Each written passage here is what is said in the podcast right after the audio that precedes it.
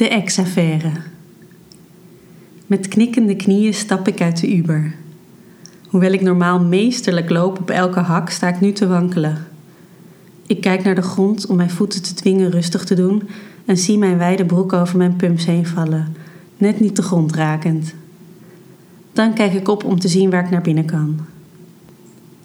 Ik had koffie voorgesteld, maar hij kon niet overdag. Hij had back-to-back meetings. Logisch ook, hij was natuurlijk niet voor niks uit New York overgekomen. Maar dus had hij een drankje s'avonds voorgesteld. Laat, want hij had nog een werkdiner.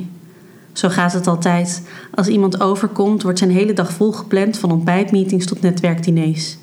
Ik weet het maar al te goed, aangezien ik jaren geleden zelf vaak genoeg heb moeten regelen. Maar hier sta ik dus, om half tien s'avonds op een dinsdagavond, voor de ingang van het conservatoriumhotel. Ik loop naar binnen en houd rechts aan richting de sfeervolle bar. Wanneer ik de bar binnenloop, zie ik hem gelijk zitten. Nonchalant achterover geleund in de stoffen bank, druk bezig op zijn telefoon.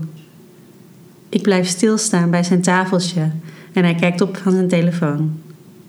Gelijk verschijnt er een glimlach op zijn daarvoor nog zo serieuze gezicht. Hij ziet er nog precies hetzelfde uit. Strak in het pak, zijn blonde, golvende, net iets te lange haren naar achter. Maar zijn blauwe ogen verraden dat hij inmiddels heel wat meer heeft meegemaakt. Hij staat op om me te begroeten, nog steeds met dat tikje om zijn wat opgekropen pantalon naar beneden te duwen met zijn voeten. Ik doe een stap naar hem toe. Als vanzelf geven we elkaar een zoen op de wang en om te voorkomen dat dit er twee of drie worden, duw ik hem iets tegen me aan. Hij is lang. Ik was vergeten hoe lang hij was. Hi, zeg ik droog. Hi, antwoordt hij iets wat sarcastisch. Even staan we daar, niet weten waar te beginnen. Dan gaat hij achter me staan om mijn jas aan te pakken. Het was iets wat ik vanaf dag één dat ik hem ontmoette op het werk al aantrekkelijk aan hem vond. Een zeldzaam soort, een uitstervend ras, een man die moeiteloos je jas aanneemt, de deur voor je openhoudt, met de nadruk op moeiteloos, alsof hij het zijn hele leven al gedaan heeft en er niet eens bij nadenkt. Ik trek de centuur van mijn jas los en laat hem zachtjes van mijn schouders glijden. Hij vangt hem op en hangt hem over mijn stoel, die hij vervolgens naar achter schuift, zodat ik erop kan zitten. Ik hang mijn tas achter me over de leuning en leun dan met mijn benen over elkaar naar achter om hem eens goed te bekijken. Wauw, dit is echt lang geleden, zeg ik alsof het nu pas tot me doordringt dat we elkaar ruim vijf jaar niet gezien hebben. Ik ben blij dat je instemde af te spreken, ga ik verder. En een beetje verbaasd. Hoezo? Waarom zou ik dat niet willen? Hij was er altijd goed in geweest om te doen alsof er niks aan de hand was. Ehm, nou, ik was niet per se redelijk het laatste jaar dat we allebei op kantoor werkten. We hebben het niet echt netjes afgesloten. Vind ik tenminste. En ik besef inmiddels dat dit meer mijn fout is dan die van jou. Hij lijkt even verbaasd over mijn directheid, maar pakt zich dan. Het was rommelig. We hadden het misschien iets beter kunnen afsluiten. Even laat hij het stilvallen en kijkt hij weg. Ik moest mezelf beschermen. Ik sta met mijn mond vol tanden. Hij is nooit zo eerlijk geweest. Ben je nog steeds getrouwd? vraagt hij dan op een luchtigere toon. Yes, nog steeds, antwoord ik glimlachend. En jij? Je was toch vlak voordat je naar New York vertrok getrouwd? Ja, klopt. Nog steeds getrouwd. Hij houdt zijn hand met zijn trouwring omhoog. We moesten toen trouwen, zodat ze mee kon naar New York. Hij zegt het voordat hij er erg in heeft hoe het overkomt. Hij wil zichzelf verbeteren, maar ik wimpel het weg dat ik begrijp wat hij bedoelt. We praten een tijdje over hoe zijn leven er nu uitziet en wat er allemaal op mijn pad is gekomen. Het gaat nog net zo makkelijk als vroeger. Gek dat een dergelijke klik niet verandert, ook al heb je elkaar jaren niet gezien. De ene na de andere cocktail wordt besteld en voor we het weten gaat de bar dicht. Samen lopen we in de stilte naar de uitgang van het hotel. Bij de doorzichtige schuifdeuren staat hij stil. Ik kijk hem verbaasd aan. Ik slaap hierboven. En dat zeg je nu pas, antwoord ik op speelseltoon. Ik wil het niet ongemakkelijk maken. Hij kijkt schuldbewust. Ik doe een stapje naar hem toe en kijk hem indringend aan. Te laat. Ja, te laat, fluistert hij terug terwijl hij zich naar me toe buigt en zijn mond heel licht op die van mij plaatst. Kippenvel verspreidt zich over mijn hele lichaam wanneer zijn lippen die van mij raken. Met zijn voorhoofd leunt hij tegen die van mij. Ga je mee naar boven? Ik heb mijn lichaam absoluut niet meer onder controle en kan alleen maar knikken.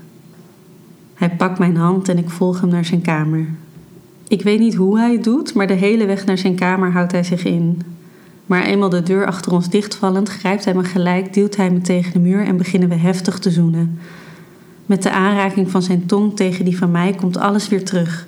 Alsof onze monden precies in elkaar passen. Zo lekker was het en is het nu weer. Mijn hele lichaam kronkelt en wil meer.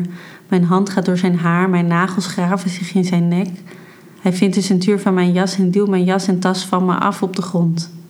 Mijn glanzende zijdewitte blouse trekt hij uit mijn broek en met zijn handen gaat hij over mijn rug, billen, mijn borsten. Zijn handen zijn overal en zijn tong nog steeds in mijn mond. Ik duw zijn jasje van hem af, maar heb dan te weinig ruimte om aan zijn shirt te beginnen. Ik duw hem van me af en hou mijn handen gestrekt tegen hem aan om hem op afstand te houden en op adem te komen. Gaat het? vraagt hij met een ondeugend lachje. Ik knik. Dan stap ik langzaam uit mijn hakken. Ik blijf hem aankijken en loop langzaam achteruit richting het bed, terwijl ik de knoopjes van mijn blouse losmaak. Nu bepaal ik het tempo. Ik wil hem zien. Ik wil zien hoe graag hij me wil. Nog steeds wil. Ik laat mijn blouse op de grond glijden en ook mijn broek laat ik over mijn billen naar beneden zakken zodat ik eruit kan stappen. Dan voel ik de rand van het bed tegen de achterkant van mijn benen. Kleed je uit, commandeer ik hem. Hij doet onmiddellijk wat ik van hem vraag en ontdoet zich zo snel mogelijk van zijn kleren. Ook zijn bokser gaat naar de grond zodat ik recht tegen zijn stijve lul aan kijk. Ik haak mijn BH los, trek mijn string naar beneden en ga naakt voor hem op het bed zitten. Langzaam zet ik mijn benen uit elkaar. Het bed is zo hoog dat ik met mijn voeten onmogelijk bij de grond kan. Hij komt langzaam naar me toe gelopen en gaat tussen mijn benen staan. Hij trekt mijn hoofd en mijn haren naar achter en zoent me hard. Dan duwt hij me naar achter en glijdt met zijn vinger via mijn klit naar binnen. Hij voelt hoe nat ik ben. Neem me, smeek ik hem. Moeiteloos dringt hij langzaam bij me naar binnen. Even laat hij me wennen. Dan begint hij te stoten. Zijn handen grijpen wat ze kunnen om kracht bij te zetten. Mijn keel, mijn borsten, mijn heupen. Met mijn hand vind ik een weg naar beneden om mijn klit te bewerken terwijl hij het tempo van zijn stoten steeds verder opvoert. Ik sluit mijn ogen om al mijn aandacht op mijn lichaam te focussen en voel de spanning steeds verder opbouwen. Mijn andere hand grijpt in het laken van het bed om houvast te vinden. Ik verlies alle controle en kreun het uit wanneer alles zich samenspant en ik tot een orgasme kom. Ik voel hem vrijwel direct tegelijkertijd ook in mij klaarkomen. Wanneer vlieg je weer terug? Vraag ik hem terwijl ik mijn blouse even later weer in mijn broek stop. Morgen alweer, antwoordt hij enigszins schuldig. Maar ik denk dat ik hier volgende maand weer ben. Mag ik je dan bellen? Graag, antwoord ik hem en geef hem een kus voordat ik zonder nog om te kijken zijn hotelkamer uitloop. Als ik de glazen deuren van het hotel zelf uitloop, moet ik lachen om mijn eigen naïviteit. Toch niet helemaal gelukt, dat afsluiten.